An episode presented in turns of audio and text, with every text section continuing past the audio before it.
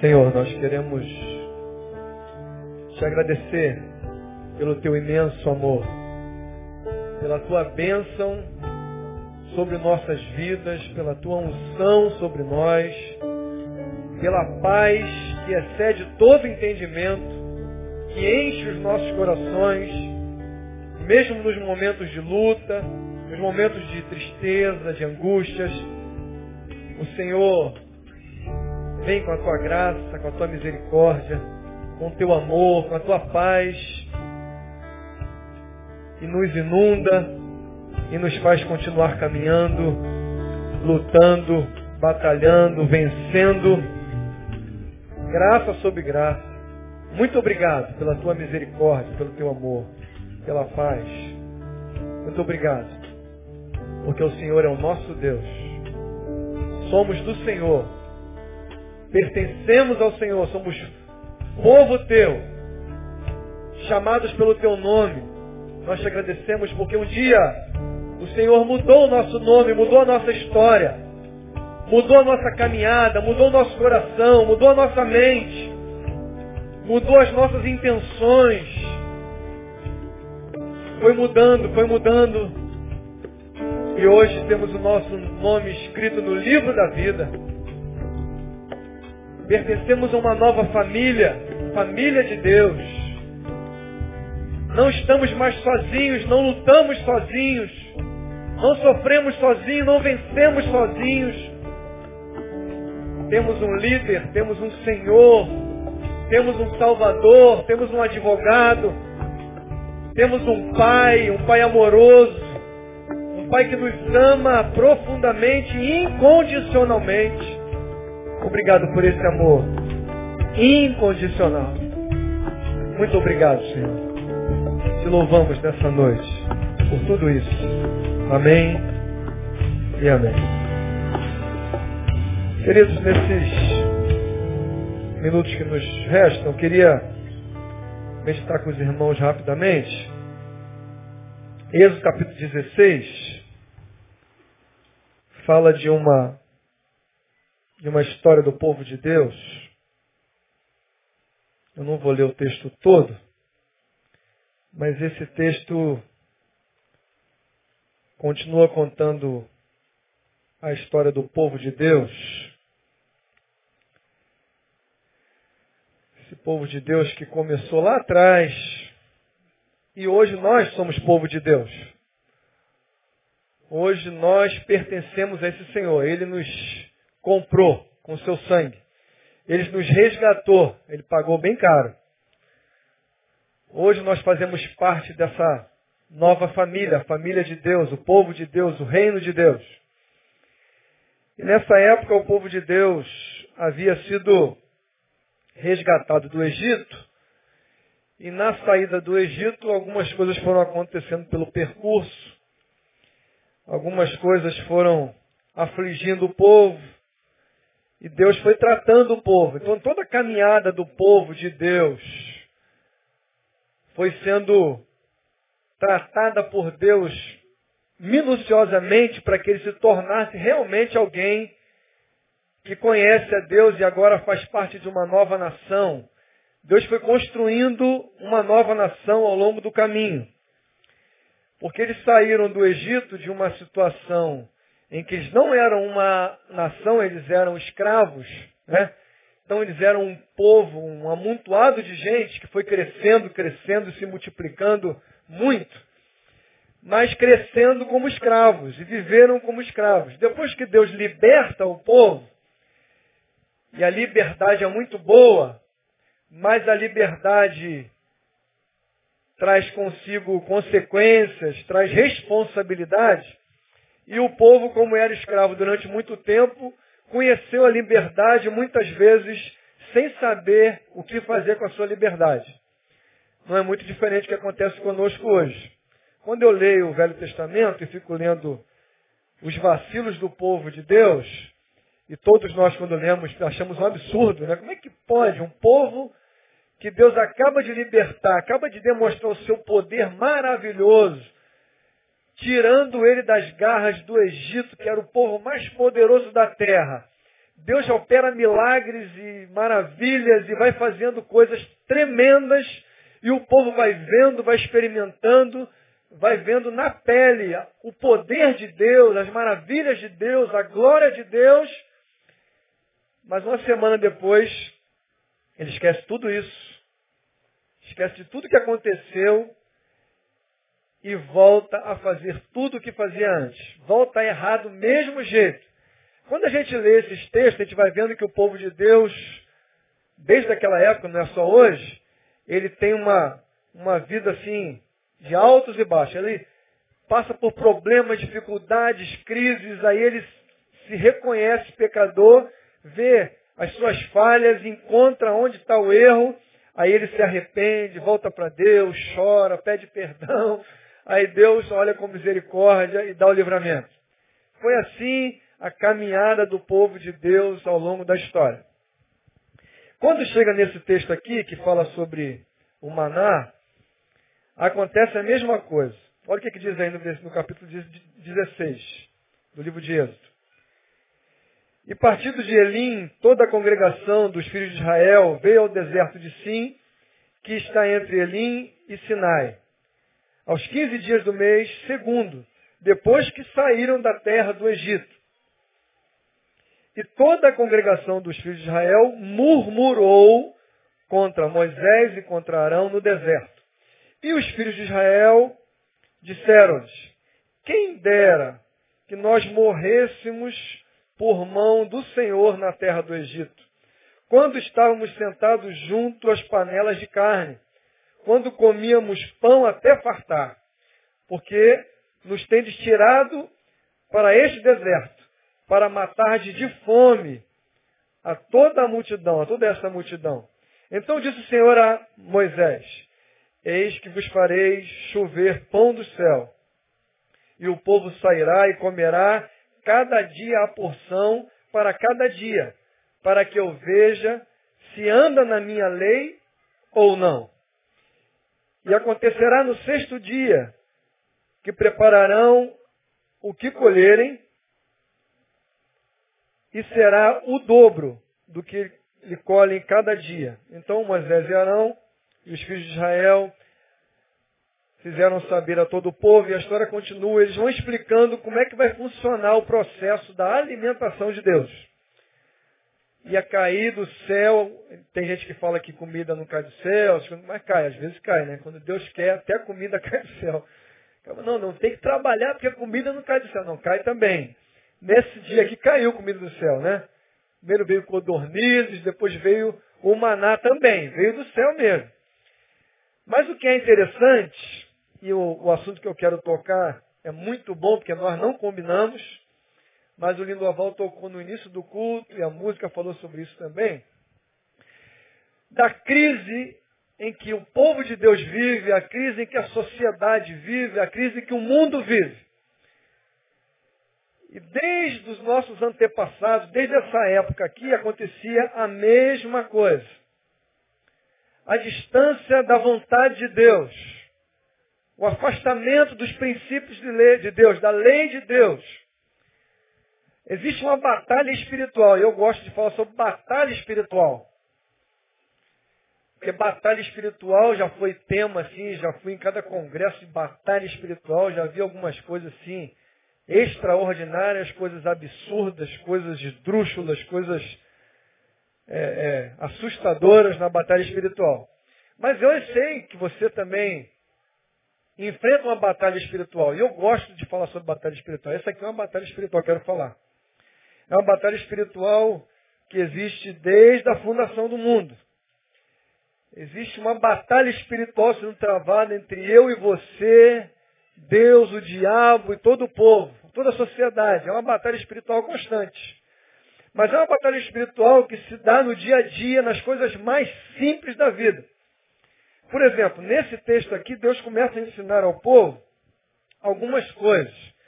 E ele dá algumas ordens bem específicas. Primeira coisa que a gente vê nesse texto, que existia uma batalha espiritual para o povo aprender com o passado e não cometer os mesmos erros no presente.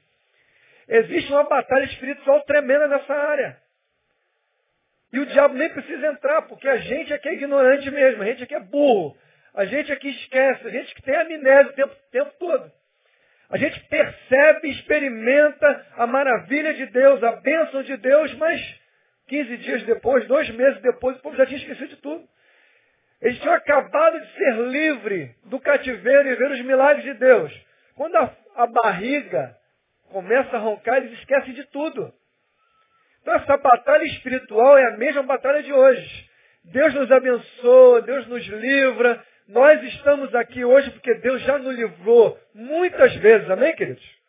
Quem já foi livre, quem já foi abençoado, que estava num momento difícil e Deus segurou você, sustentou você, você está aqui hoje de pé, amém? Todo mundo. Mas infelizmente eu e você, amanhã, quando a barriga começa a roncar, a gente esquece de tudo. A gente começa a chorar igual criança. A gente começa a voltar a ser menino. A gente começa a chorar porque a barriga está com fome. A gente volta a ser neném, porque neném que é assim. Né? Neném chora e uma característica do neném quando chora é que ele está com fome.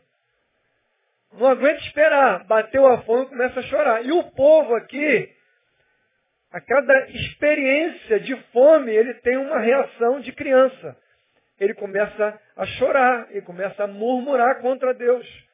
Ele murmura contra Moisés, mas é interessante que você percebe aqui que ele não murmurou contra Moisés, murmurou contra Deus. Que a dúvida aqui é saber se Deus seria capaz de sustentá-los no deserto. O mesmo Deus que tirou do cativeiro seria capaz de sustentá-los aqui? Será? Gerou essa dúvida no coração deles. Então essa batalha espiritual sempre existiu. É a batalha de não cedermos à tentação de murmurarmos na hora das nossas aflições. Existe uma batalha espiritual sendo travada quando você sente fome. Existe uma batalha espiritual sendo travada quando você é contrariado. Quando as coisas não acontecem do jeito que você quer. E são das coisas mais simples da vida. Nós não precisamos falar de coisas extraordinárias. É só quando você é contrariado com alguma coisinha que você achava necessário. Você é tentado a murmurar contra o seu líder, contra o seu pai, contra a sua mãe, contra a sua esposa, contra o seu filho. A murmuração é um tropeço espiritual. Se a gente não consegue deixar de murmurar por coisas pequenas, quanto mais contra coisas grandes. Se nós não conseguimos não murmurar quando pequenas coisas acontecem, irmãos, cuidado. Porque quando as coisas grandes vierem, os problemas maiores acontecerem, porque a nossa vida é regada de pequenos problemas, de problemas grandes, mas também é regada com grandes vitórias, grandes bênçãos de Deus. Mas a gente não aprendeu muitas vezes a glorificar a Deus na hora das grandes bênçãos de Deus e também não aprendeu a, a glorificar a Deus nas horas das dificuldades, das pequenas dificuldades. Quando as grandes vêm, a gente não tem nem nenhuma expectativa, nenhuma experiência de ir contra o diabo. Que aí você vence o diabo. Tem gente querendo vencer o diabo através das vigílias de oração. E a oração é muito bom, vigia de oração é muito bom. Mas é o cara, ele vence o diabo, ele acha que vence o diabo, orando, repreendendo, fazendo um monte de coisa. Mas quando ele chega em casa, ele não consegue vencer o diabo deixando de murmurar. Deixando de reclamar da vida. Deixando de reclamar porque ele está com um pouquinho de fome. E não tem comida pronta para ele. Ele fica revoltado. Ele briga com todo mundo, com a mulher, com o cachorro, com o filho, porque ele chegou em casa e não tinha comida pronta. Ele dá lugar ao diabo. Mas ele não acha que isso é, lugar, é dar lugar ao diabo. Ele venceu o diabo agora. Ele estava na igreja e ficou lá duas horas orando, expulsou o demônio, repreendeu o demônio, fez um espetáculo tremendo. E ele se julga vitorioso na batalha espiritual. Mas quando ele chega em casa e não encontra alguma coisa do jeito que ele quer, do jeito que ele gosta, ele perde para o diabo. Murmura, briga, traz confusão para sua própria casa. Ele não percebe que a batalha espiritual, como foi falado aqui, não é só aqui. Na verdade, nunca é aqui. É sempre fora daqui. Eu acredito que as batalhas espirituais são realmente travadas começando nas nossas casas, com a nossa própria família. Porque nós não entendemos e não realizamos a vontade de Deus. E esse povo aqui deixa claro isso. Ele, Deus vai tratando com ele, ensinando a ele a vencer essas batalhas. Cara, calma. Eu vou abençoar vocês. Aí ele vem e fala o que vai acontecer. Ele dá as regras do jogo. Ele vai, vai lá e explica para o povo, esse povo, explica para esse povo como eu vou fazer. Ó, fica tranquilo, todo dia vai cair um alimento do céu. Você vai lá e pega o teu alimento para você, para tua esposa, para os seus filhos, mas pega só a porção de cada dia. Tá bom? No sexto dia, você vai pegar duas porções para cada um. Por quê? Você vai comer um dia e no outro dia que você não vai pegar, porque é o dia do descanso, é o dia do sábado, é o dia da adoração, você não vai poder pegar. Então no, no sexto dia você vai pegar duas porções. Entendeu? Todo mundo fala, entendeu. Isso me lembra o que acontece, né? Eu já expliquei aqui algumas vezes. Quando você explica para um grupo de crianças na escolinha de futebol, qualquer lugar, você fala assim, ó, vai lá faz isso, chuta a bola assim, volta, dá uma volta no cone, faz isso, faz assim. Entendeu? Todo mundo fala, entendeu. Pega a bola e faz, ele faz tudo errado. O povo é assim mesmo. É impressionante. Deus fala assim, ó, faz assim, assim, assim, assim. Entendeu? Todo mundo, aquela multidão, todo o povo de Deus. Entendeu? Aí Deus, beleza, vai lá. O que acontece no outro dia? O miserável vai lá, pega a porção dele, da mulher dele e dos filhos dele. Depois ele olha para trás e vê aquele monte de alimento. Falou, ih, rapaz, vou levar mais um pouquinho. Ele pega mais um pouco e leva mais um pouco para casa. Mas o que, que acontece quando ele leva mais um pouco? Deus manda pegar a porção de cada dia. Ele não pega, ele não obedece. Irmãos, é impressionante. Como eu e você temos a tendência de não fazer aquilo que Deus manda. Deus manda e a gente não faz, mas a gente quer que dê certo. Deus fala, a gente ouve, mas não obedece, mas quer que dê certo. A gente faz tudo errado querendo que dê certo. Deus falou, vai lá e pega isso, isso, isso, isso. Faz isso, isso isso. É só fazer. Mas o cara não consegue, ele quer fazer um pouco mais. Ele quer sempre pegar um pouquinho mais, ele quer sempre fazer um pouquinho mais, ele quer agradar um pouquinho mais. Ele quer se precaver um pouquinho mais. E ele foi lá, o povo foi lá, pegou além daquilo que Deus mandou fazer. O que aconteceu? Estragou.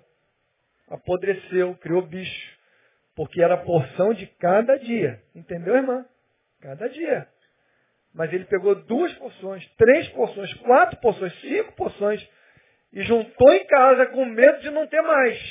Mas Deus não falou que todo dia ia cair? Todo dia a produção ia chegar na tua vida? Ia. Ah, mas eu, ah, eu pensei bem, duvidei, levei para quatro dias. Apodreceu, criou bicho. Eu estou dando esse exemplo, irmãos, porque isso continua acontecendo conosco.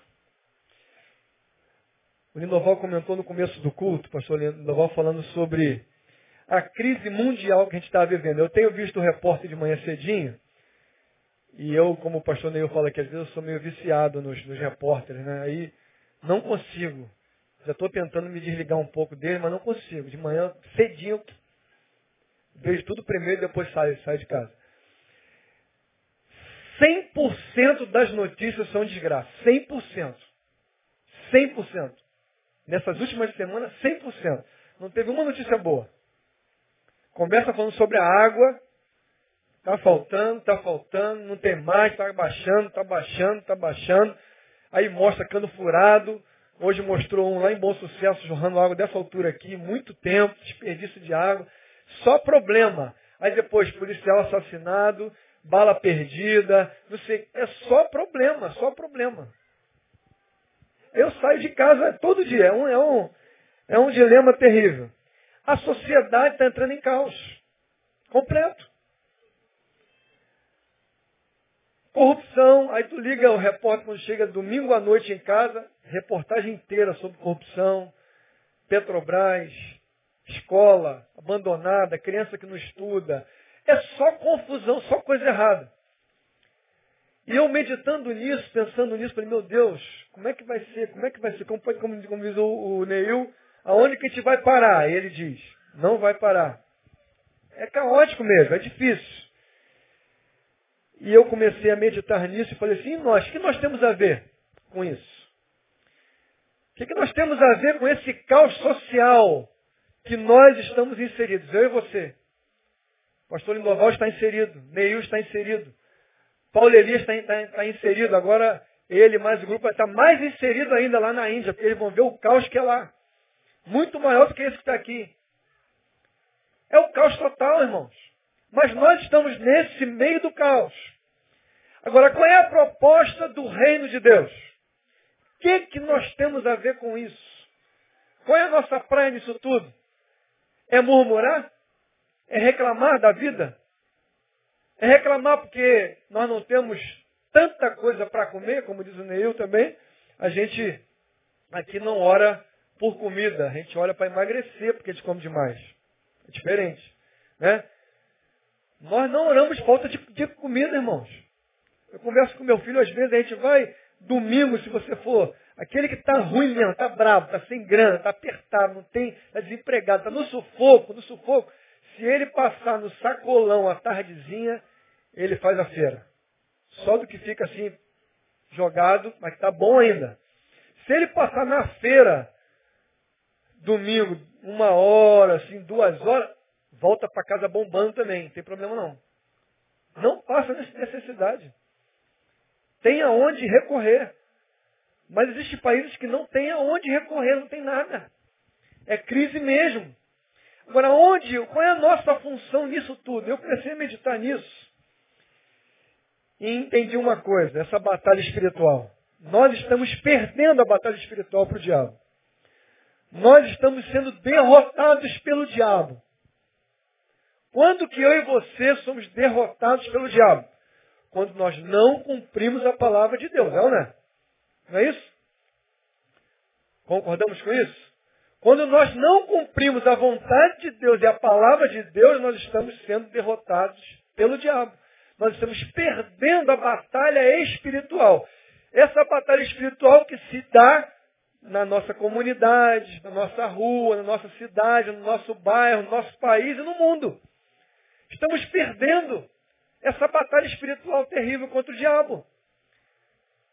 Por quê que eu digo isso e afirmo isso com toda a certeza? Porque quando nós lemos o Evangelho, lemos a palavra de Deus, nós vemos que o propósito de Deus, o plano de Deus para o seu povo, que sou eu e você, somos nós, nós somos povo de Deus agora. Nós fomos, nós temos orgulho de sermos filhos de Deus, não é? Nós todos batemos no peito e compramos briga com a maioria das religiões, e eles têm muita raiva nossa porque a gente fica é, é, se exaltando por causa disso, que nós somos povo de Deus e eles não. Nós servimos ao Deus vivo e eles não. E essa arrogância nossa irrita muito as outras religiões. Então nós nos orgulhamos de ser filhos de Deus, de sermos aquele que conhecemos a Deus, a sua palavra, mas não cumprimos a mesma palavra que a gente desconhece. Qual é o assunto que eu queria tratar com os irmãos? O plano de Deus, a vontade de Deus, o projeto de Deus para a igreja, para a família de Deus que nós somos, é que nós fôssemos modelo para o mundo. É ou não é? Deus falou assim, eu vou separar um povo, vou preparar esse povo, vou tratar desse povo, para que esse povo seja o povo sacerdotal. Para que esse povo fosse modelo para a sociedade que não sabe o que fazer, irmão. Eu não sei você, mas quando você conversa com gente aí fora, com os governantes que você ouve, você vê que ele não sabe o que fazer. Porque realmente não, ninguém sabe. Você cobre um lugar, descobre o outro. Você trata do lugar, afunda o outro. Agora, quando vê o negócio da água, arrebentou. E agora, o que a gente faz? Se não chover, faz o quê? Desesperou todo mundo, porque enquanto eram algumas coisas que dava para alguém fazer, a água não dá para fazer, é complicado. Começou a baixar o pânico em todo mundo.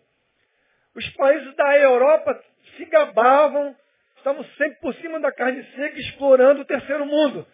Há um ano atrás, dois anos atrás, começou a crise, crise, crise, crise. Aqueles que se achavam bambambam bam, bam no negócio começou a afundar. É crise geral. Agora, a crise está instaurada. E a igreja? E eu e você? Eu e você individualmente, como nos comportamos como servos de Deus? A nossa vida, a minha vida, a tua casa, a minha casa, a minha família, a tua família, é modelo para essa sociedade? Porque esse é o nosso desafio diário. Nos tornarmos semelhantes a Jesus, para que o povo olhe para nós e vejam a Cristo em nós.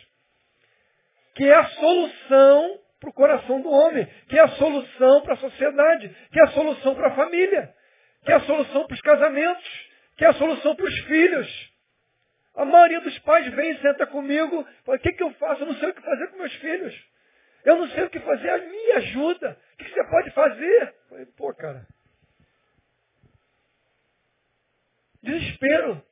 Os pais não sabem o que fazer. Agora, o que, que eu posso fazer a princípio? Ser modelo. Ser alguém que tem uma vida que ama o Senhor de tal forma que eles olhem para a minha vida e eu posso copiar algumas coisas que eu acho que vai dar certo. Eu posso tornar a minha vida semelhante, eu posso olhar para esse cara, eu posso olhar para essa esposa, eu posso olhar para esse filho e posso começar a caminhar desse jeito que talvez haja solução para a minha vida. O teu amigo quer olhar para você e ver no teu casamento a solução para o casamento dele. O seu vizinho quer olhar para você e ver o seu filho e pensar assim, por que, que o filho dele é desse jeito e eu não consigo fazer o meu filho ser desse jeito? Não é preciso ser igual, mas vocês estão entendendo o caráter, comportamento, carinho, amor, compaixão. Por quê? Irmão, nós não estamos cumprindo. O povo de Deus, como esse mesmo povo aqui, ouve Deus, ouve a voz de Deus várias vezes, só não faz o que Deus manda. E esse texto aqui deixa bem claro um dos nossos maiores pecados nós nos tornamos semelhantes aos gentios. Veja comigo se não é verdade isso. Isso entrou alguns anos atrás na igreja brasileira. Veio com a doutrina da prosperidade. Esse texto diz e me ensina que eu tenho que depender de Deus todo dia. Amém, queridos? Eu e você precisamos depender de Deus todo dia. Amém? Porque Ele vai suprir todas as nossas necessidades. Amém? Não é isso que a palavra de Deus diz? Esse texto mostra bem claro isso. Pega só o que é necessário para você. Mas nós, como todos os gentios, temos o grande risco, a tentação de perder para o diabo quando nós começamos a acumular aquilo que não é necessário. Nós nos tornamos acumuladores igualzinho aos gentios. E nos orgulhamos disso. Falamos que isso é bênção de Deus. Nós temos muitas casas, muitos carros, muito dinheiro guardado e nos orgulhamos disso. Achamos que isso é bênção de Deus. Nós guardamos, deixamos guardado e vai apodrecer. Vai criar bicho. Que é isso que a Bíblia diz. Se juntar desnecessariamente, vai criar bicho. E é isso que está acontecendo com o povo de Deus, inclusive. Dinheiro demais junto desnecessariamente dá bicho. Que bicho que dá? O que, que você acha? Que tipo de bicho é esse? Quer ver um bicho que dá? Briga na família. Pai trabalha, trabalha, trabalha, junta dinheiro, junta dinheiro, junta dinheiro, compra cinco casas, dez carros, duas fazendas, não sei quantos bois. Ele vai juntando, vai juntando. Quando ele fica coroa, vai ficando ruimzinho, fraquinho, o que acontece? Os filhos vêm para cima, quer tomar tudo. Quer tomar tudo. E entre eles o pau come, a briga. Lindovó acabou de falar de uma família que o problema era financeiro, era, era divisão de renda, né, que você falou da, da, da família lá. É o mais comum dos nossos dias. Por quê? Aprendemos que juntar, quanto mais coisas, quanto mais dinheiro, quanto mais poder, mais abençoados somos. A Bíblia diz isso em algum lugar? O que, que diz em Mateus 6? Abre lá, manda 6. Vê se não é a mesma coisa. O que, que diz Mateus 6, 19? O que, que Jesus manda a gente não fazer? O que está escrito aí, gente? O que, que é? Agora me diz uma coisa. Existe povo de Deus, líderes, pastores, membros, indiscriminadamente, preocupados em juntar muito dinheiro? O que vocês acham? Tem não? Mas não é até pensar no outro, não. Pensa em você também, irmão. Que proporcionalmente nós somos todos iguais. Quando eu conversei com Dr. Russell Shedd, alguns anos atrás, eu fiquei envergonhado, porque eu achava que eu era bom demais. Eu achava que eu não me encaixava nesse problema aqui. Que eu tinha uma vida razoável, né? Aquele negocinho ali. Falei, pô, isso aí não me pegou não. Esse pecado aí não é o meu não. Aí nós sentados numa sala batendo um papo, depois de 20 minutos eu fico com vergonha, porque eu vi que eu também me encaixava nesse perfil. Eu também estava preocupado. Eu também estava querendo juntar, eu também estava querendo, eu também estava preocupado com o futuro. Eu também estava preocupado com como é que ia ser. Como é que ia ser meus filhos, meus netos, meus bisnetos. Eu também estava preocupado. Eu também estava querendo juntar. E ele começou a conversar e contar algumas coisas, simplesmente, batendo um papo, experiência. No final, eu estava com vergonha. Teve um colega que perguntou assim para ele, pastor, o que, que o senhor acha de casa, de ter uma casa, sim, assado, duas casas. Ele falou, pô, isso é muito bom. Só tem um problema. Eu estou esperando, né? Só tem um problema. Se Deus mandar você vender para abençoar outro irmão, vai demorar. Não tem liquidez. Aí eu comecei a ficar preocupado. Aí o outro falou assim, e a cadência de poupança? Começou a especular com ele. Ele falou assim, ah, mas poupança é melhor. Porque se Deus tocar no teu coração para abençoar o irmão, tu pode tirar rápido. Então é melhor a poupança. Aí ele começou a dar alguns exemplos que eu vi em que enrascado eu estava. Como estava a minha vida e eu achando que estava muito bem. Irmãos, é um desafio viver o reino de Deus, a proposta de Deus de verdade para nós é um desafio. Só o que aconteceu em Atos dos Apóstolos. Qual é a promessa de Jesus ali? Que ia derramar do seu Espírito, seu poder sobre nós, e nós seríamos poderosos. Aí o que, que todo mundo pensa? Pô, agora Davi você vai receber o Espírito Santo de Deus, tu vai ser batizado com o Espírito Santo de Deus e agora tu vai ter poder o que, que o cara pensa? Poder para quê? Ah, para pegar o diabo pela barba. Se o diabo tivesse barba. Para bater, para fazer, para acontecer. Não. O poder de Deus, irmãos, é nos dado justamente para nos negar, para fazer aquilo que a gente não quer. Porque tudo que a gente quer, normalmente vai de encontro. Normalmente tudo que a gente quer vai de encontro às vontades de Deus, à palavra de Deus. A gente busca muito conforto, é lógico, é o nosso coração. Nós buscamos sempre isso. Tem um amigo meu que me ligou um tempo atrás que estava indo para uma aventura, para uma situação difícil, para um problema terrível. Ele falou assim, pô, eu estou preocupado. Eu falei, é assim mesmo, irmão. Deus tira a gente da zona de conforto, joga a gente dentro dos problemas, para lá ele mostrar o poder de Deus, o, poder dele que se aperfeiçoa na sua fraqueza. Aí ele ficou assim, é mesmo? Eu falei, é, irmão, pode ir. Vai lá que tu vai ver que tu vai ser abençoado. Lá, fora da tua zona de conforto, lá onde você não tem domínio, lá onde você está totalmente desprotegido, você vai experimentar o poder de Deus. É lá que você vai experimentar. Mas a gente busca nossas zonas de conforto. A gente busca segurança. Tem um pastor que já falecido, nosso professor no seminário, que falava isso.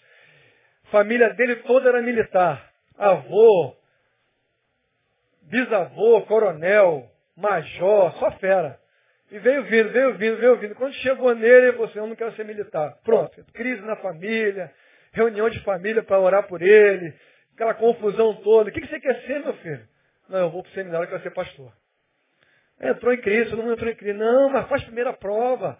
Vai ser alguém primeiro, ó. Vai ser, vai ser alguém primeiro para depois ser pastor. Porque pastor não é muita coisa, né? Vai ser alguém primeiro para depois ser pastor.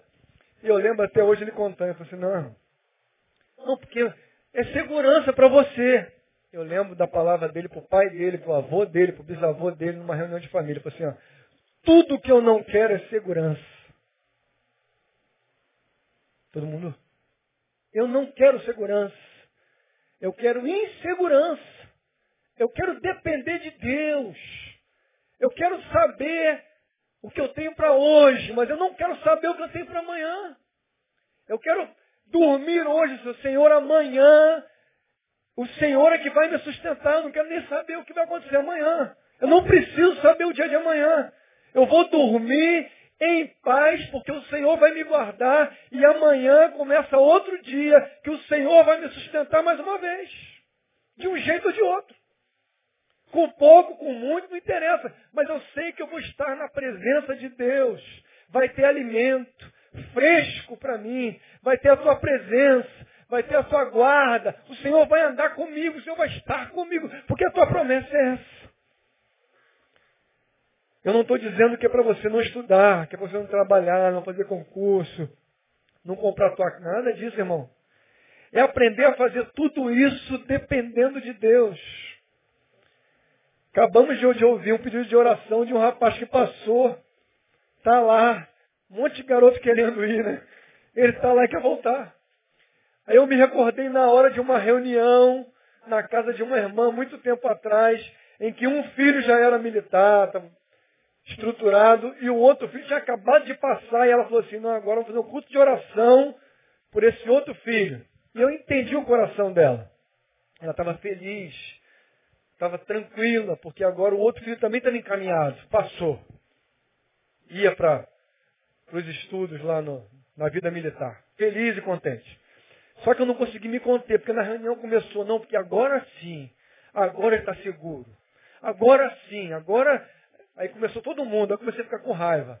Agora sim, eu falei, ai meu Deus, vou ficar quieto, não vou falar nada não.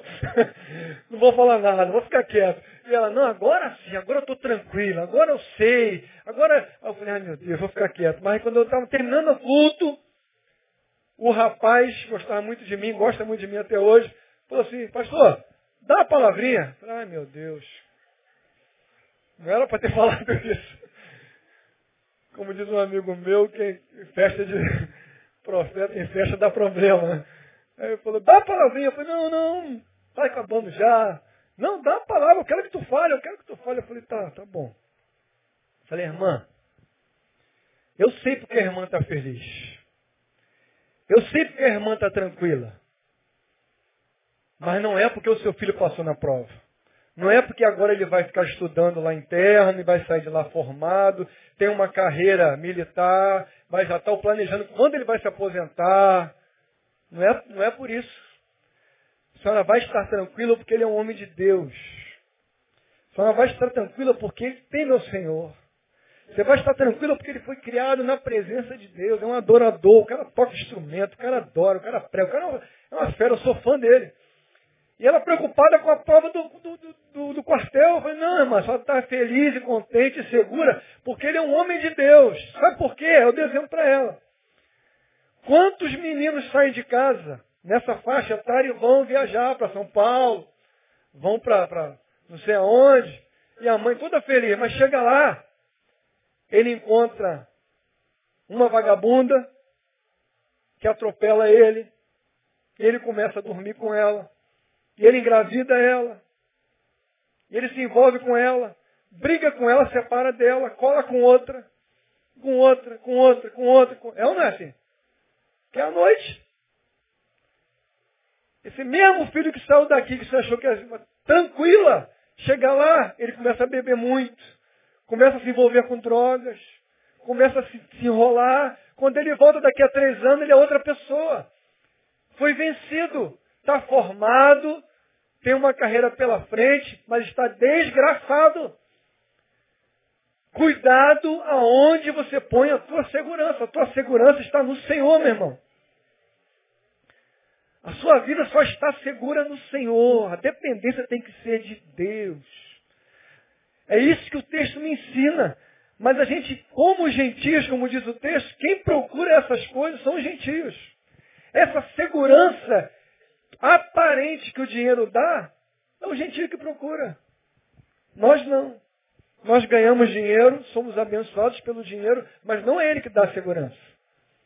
Porque quando ele falta, nós também continuamos seguros, amém? Quando o dinheiro faltou na tua vida e na minha vida, eu continuei seguro. Eu não fiquei inseguro porque faltou o dinheiro. Nosso irmão Nedoval tem muitos testemunhos sobre essa área. Quando faltou o dinheiro, ficou ruim, continuava seguro. Estava na mão de Deus, não estava na mão do dinheiro. Se tivesse na mão do dinheiro, estava morto. Como eu. Andei um tempo ganhando um bom dinheiro, depois fiquei zerado. Se eu fosse depender do dinheiro, uma época eu estaria bem, na outra época eu estaria morto. Porque não tinha dinheiro, não tinha onde tirar. A minha dependência continua sendo do Senhor. Com o dinheiro, depois continua sendo sem dinheiro, depois volta com o dinheiro. Não tem problema. Você está na mão de Deus, na presença de Deus. Amém. Pronto, só isso que precisa. O resto, Deus resolve. Você não precisa ficar desesperado orando. É o que o texto vai falando nesse capítulo de Mateus 6, nos deixando claro que você não precisa ficar correndo atrás do que os gentios correm. Agora me diz uma verdade. Você tem encontrado com cristãos que parecem mais com Jesus ou com os gentios? Você tem encontrado com amigos teus na empresa, no trabalho, na faculdade, que tem os sonhos de Deus ou tem os sonhos dos gentios? Gentios são aqueles que não conhecem o Senhor. Aqueles que não andam com o Senhor. Aqueles que não dependem do Senhor. Você encontra com um cristão e começa a bater papo com ele, você fica chocado, porque ele pensa igualzinho a teu outro amigo que não conhece a Deus. Os sonhos dele são magníficos. Quais são os sonhos dele? Quando passa o Camaro na rua, ele fala, foi esse é o meu sonho. Pô, esse sonho é muito miserável para você, irmão. Porque com um Camaro tu abençoa muita gente, irmão. E você consegue andar de carro com outro carro que vale 5%, 2% daquele carro. Mas como o mundo entrou na igreja, não foi por causa da bateria, né? Na nossa época, quando a gente começou a servir ao Senhor, o problema era a bateria. Que a bateria era do diabo. Aí falou assim, o mundo está entrando na igreja, a bateria está entrando. Ai meu Deus. Repreende o demônio da bateria. Quando entrou o computador, era o demônio do computador. Repreende o computador. Tudo era do diabo. Repreende tudo. Piano, até o piano, coitado. Mais antigo, né? Mas já foi do diabo também. Não é desse tempo, não. Não tinha teclado naquela época, não tinha nem teclado. Foi inventado depois. Irmãos, vamos ganhar essa batalha. Vamos aprender a dividir. Eu escrevi aqui, mas nem vou falar sobre isso. Não dá tempo, acabou o culto. Mas Deus foi estabelecendo algumas regras de sobrevivência, porque o plano de Deus é que todos nós fôssemos abençoados. Que não haveria pobres no nosso meio. Não haveria necessitados. Eu queria que você chegasse em casa, você que está anotando aí, pode anotar. Levítico 19, de 9 a 10. Deuteronômio 14, de 28 a 29. Deuteronômio 15, de 1 a 18. Levítico 25, de 8 a 55. Depois, se você quer, você pode pegar comigo aqui à frente e anotar. São algumas leis que Deus foi estabelecendo para o povo, para eu e você. Para sermos um povo abençoado E sendo um povo abençoado, servir de modelo para a nação. Sendo um povo que não tem necessitados entre nós, em que repartiríamos tudo, o outro povo de fora olhasse e fosse, pô, dá para ser feliz assim?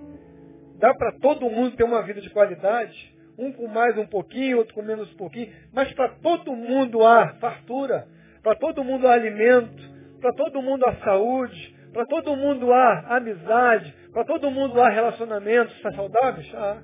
Há essa possibilidade, há. Porque existe um povo que pratica isso isso funciona.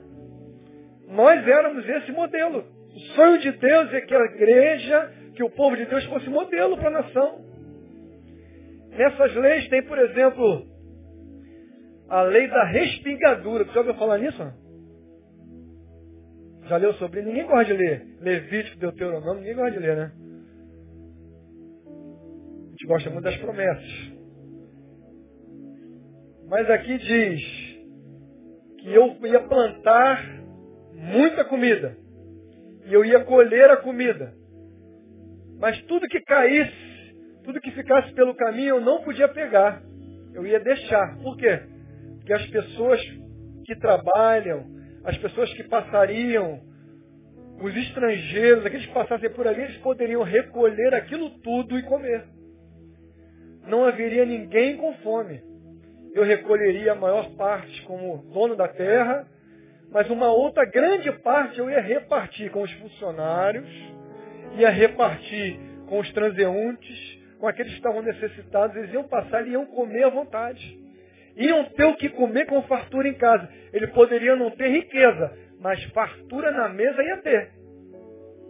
Essa era uma lei de Deus. Para quê? Para que não houvesse necessitados no meio de nós. Mas a gente não cumpre isso. Como é que isso se aplicaria nos nossos dias? se eu e você não plantamos mais um hectare de milho, seria para todos nós que temos algum tipo de empregado, não pagarmos o mínimo do mínimo para ele. Você encontra os grandes empresários, o cara ganha 100 milhões, mas o empregado dele ganha salário mínimo. É o salário mínimo e ponto final. O que, que eu posso pagar menos? Se quebrar o copo, posso descontar? Pô, então desconta. E se ela comer na casa, eu posso descontar? Pô, então desconta. Não é, não é assim que acontece? O cara mora numa cobertura lá em Ipanema. Joga comida fora. Mas se a empregada come na casa, tem que pagar. Desconta no, no salário. Se ela quebra um copo, desconta também. Isso é miserável. Miserável, mas é uma sociedade miserável.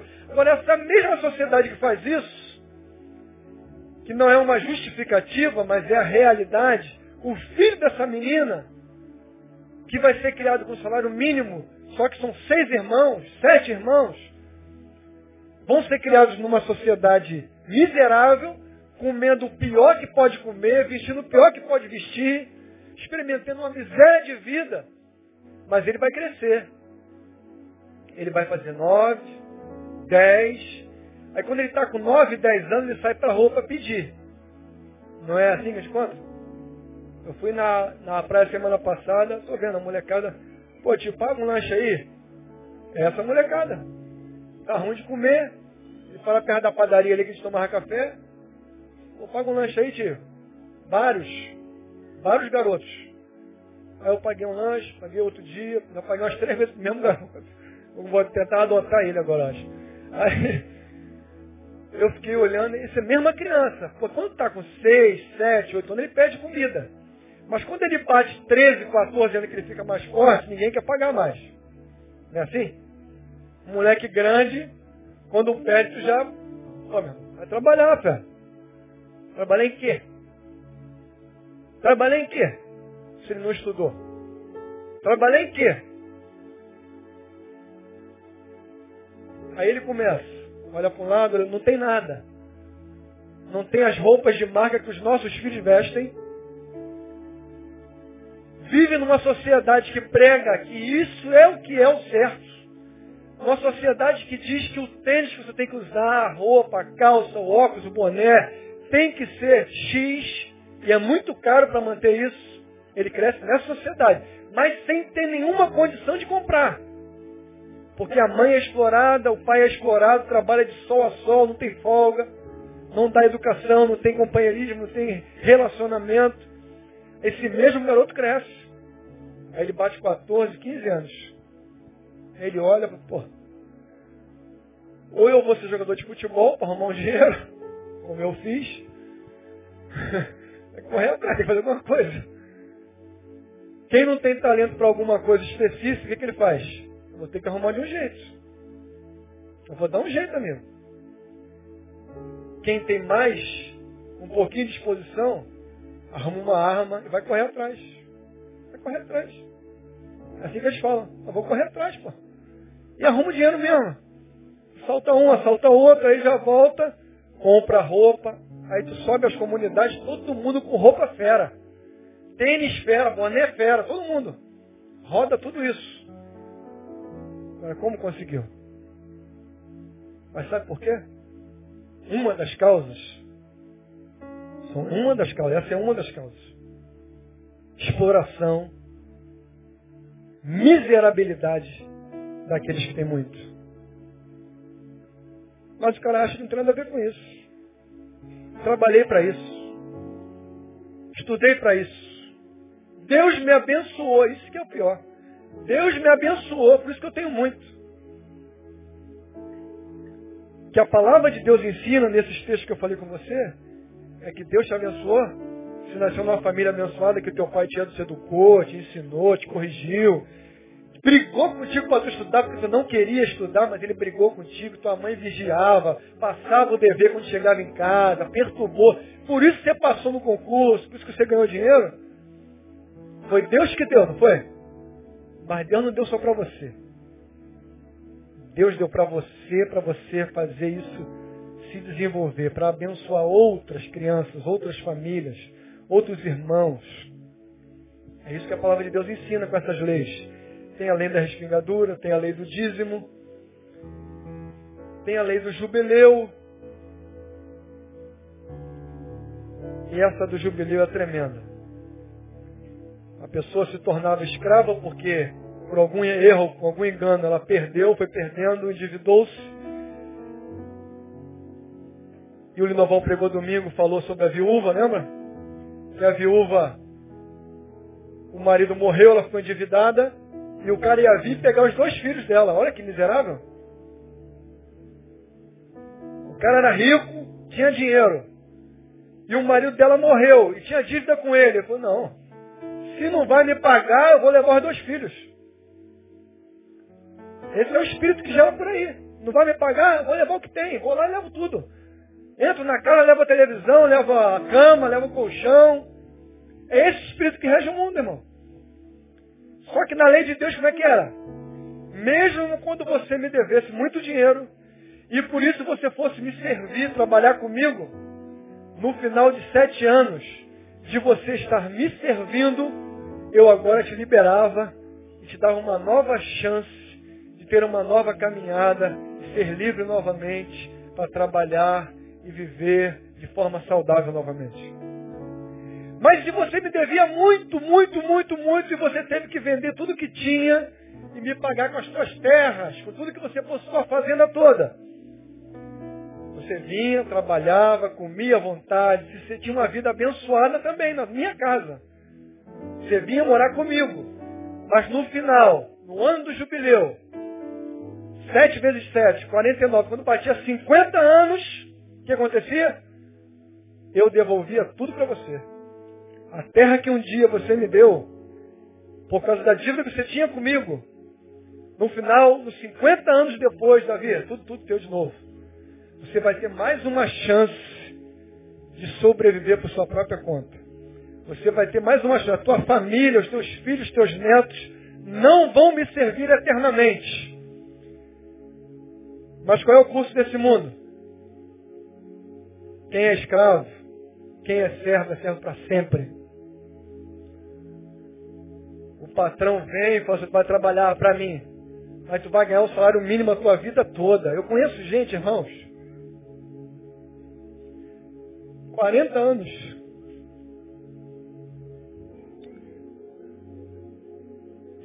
Você me conhece. Na mesma casa. E é muito engraçado. Em alguns filmes você vê isso também. A patroa e o patrão se acham. Essa, essa senhora aqui está comigo há 40 anos. Minha empregada doméstica. Nenhum demérito nisso. Mas há 40 anos ela paga a mesma miséria. Ela nunca conseguiu fazer nada para abençoar aquela família, para que os filhos dela não fossem empregadas domésticas, fossem estudar uma faculdade, subir, estudar um pouco mais, ter a chance de ter uma nova história. Não, ela mantém a pessoa ganhando o mínimo até a morte. E ainda se orgulha disso. Não, ela até janta comigo. Ela é como se fosse da família. É piada, né? É como se fosse da família. Sistemas de escravidão. Mas que não acabam com sete anos.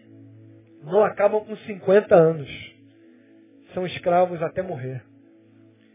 Esse é o sistema em que nós estamos vivendo. Por isso esse caos. Se você for pensar direitinho, for examinar direitinho, você vai vendo que tudo vai se resumindo a esses interesses políticos, financeiros que oprimem uma grande classe da sociedade e privilegiam uma pequena classe da sociedade. E o caos é instaurado. Aí é terrível, porque enquanto faltava água lá no Nordeste, já há 30 anos, ninguém esquentava. Não havia nenhuma mobilização para resolver o problema da, da seca. Pelo contrário, se ganhava dinheiro com a seca, levando o dinheiro para lá e não fazendo o que tinha que fazer, desviando o dinheiro. Mas agora, a seca está chegando nos condomínios. agora, a seca está chegando nas coberturas, aí incomoda. Agora a seca vai chegar no Alphaville. Agora a seca vai chegar. Quando a coisa chega perto do rico, começa a incomodar. Aí tem que mudar, aí tem que mudar a política, aí tem que mudar, tem que dar um jeito. Mas sempre faltou água, irmão. Se você for aqui pertinho, se for para a Baixada, se for para alguns bairros, já não cai água há muitos anos. Há muitos anos já não cai água. Mas agora está faltando onde nunca faltou. Aonde? Na casa de quem tem grana. Tem grana, mas não tem água. E aí? Bebe dinheiro agora. Bota no copo dinheiro e bebe, quero ver. Isso é para a gente entender, irmãos. Embora seja uma crítica, seja um desabafo, seja uma, mas uma exortação para nós como cristãos. Qual é a nossa, qual é o nosso estilo de vida? Qual é o nosso comportamento? Como, como eu trato meu, meu empregado? Como eu trato o meu familiar? Como eu trato aqueles que estão perto de mim? Eu consigo dividir? Consigo abençoar? Ou eu quero pegar para mim? Eu quero sempre juntar um pouquinho mais. Que o Senhor te abençoe, queridos. E te mostre nessa noite que você precisa de bem menos do que você pensa. Você precisa de bem menos do que você pensa. E eu falo isso para mim também. No mês de dezembro eu fiz três bolsas de roupa para tirar de casa. Só minha três bolsas. Eu ficava espantado em ver quantas roupas, quantas camisas, quantas coisas eu ganhei, quantas coisas eu comprei. Falei, meu Deus, nem sabia que isso tudo. Um exercício diário. De ser melhor um pouquinho a cada dia. Ser mais simples a cada dia. O Russell Shedd falou comigo nessa reunião também. Quando nós falamos de dinheiro, de que fazer, o que não fazer. Aí ele falou assim, não, é simples, você recebe o salário, paga as suas contas, o resto se abençoa. Ele é, maltrata a gente um pouquinho, né? Assim, ó, você pega o teu salário, Romão, paga as suas contas, o resto se abençoa. Aí eu falei, é mesmo, pastor? É. Eu falei, pastor, vou fazer uma, uma última pergunta, ele faz. Mas normalmente acontece assim, a gente pega, paga todas as nossas contas e sobra algumas contas. Não vai sobrar para abençoar. Ele falou assim. Ele levantou só o ombro assim, ó. O que fazer? Leve uma vida mais simples. Se nós tivermos uma vida mais simples, vai sobrar um pouquinho mais. Com certeza. Vida simples é o segredo da vitória. Amém, queridos? Deus abençoe.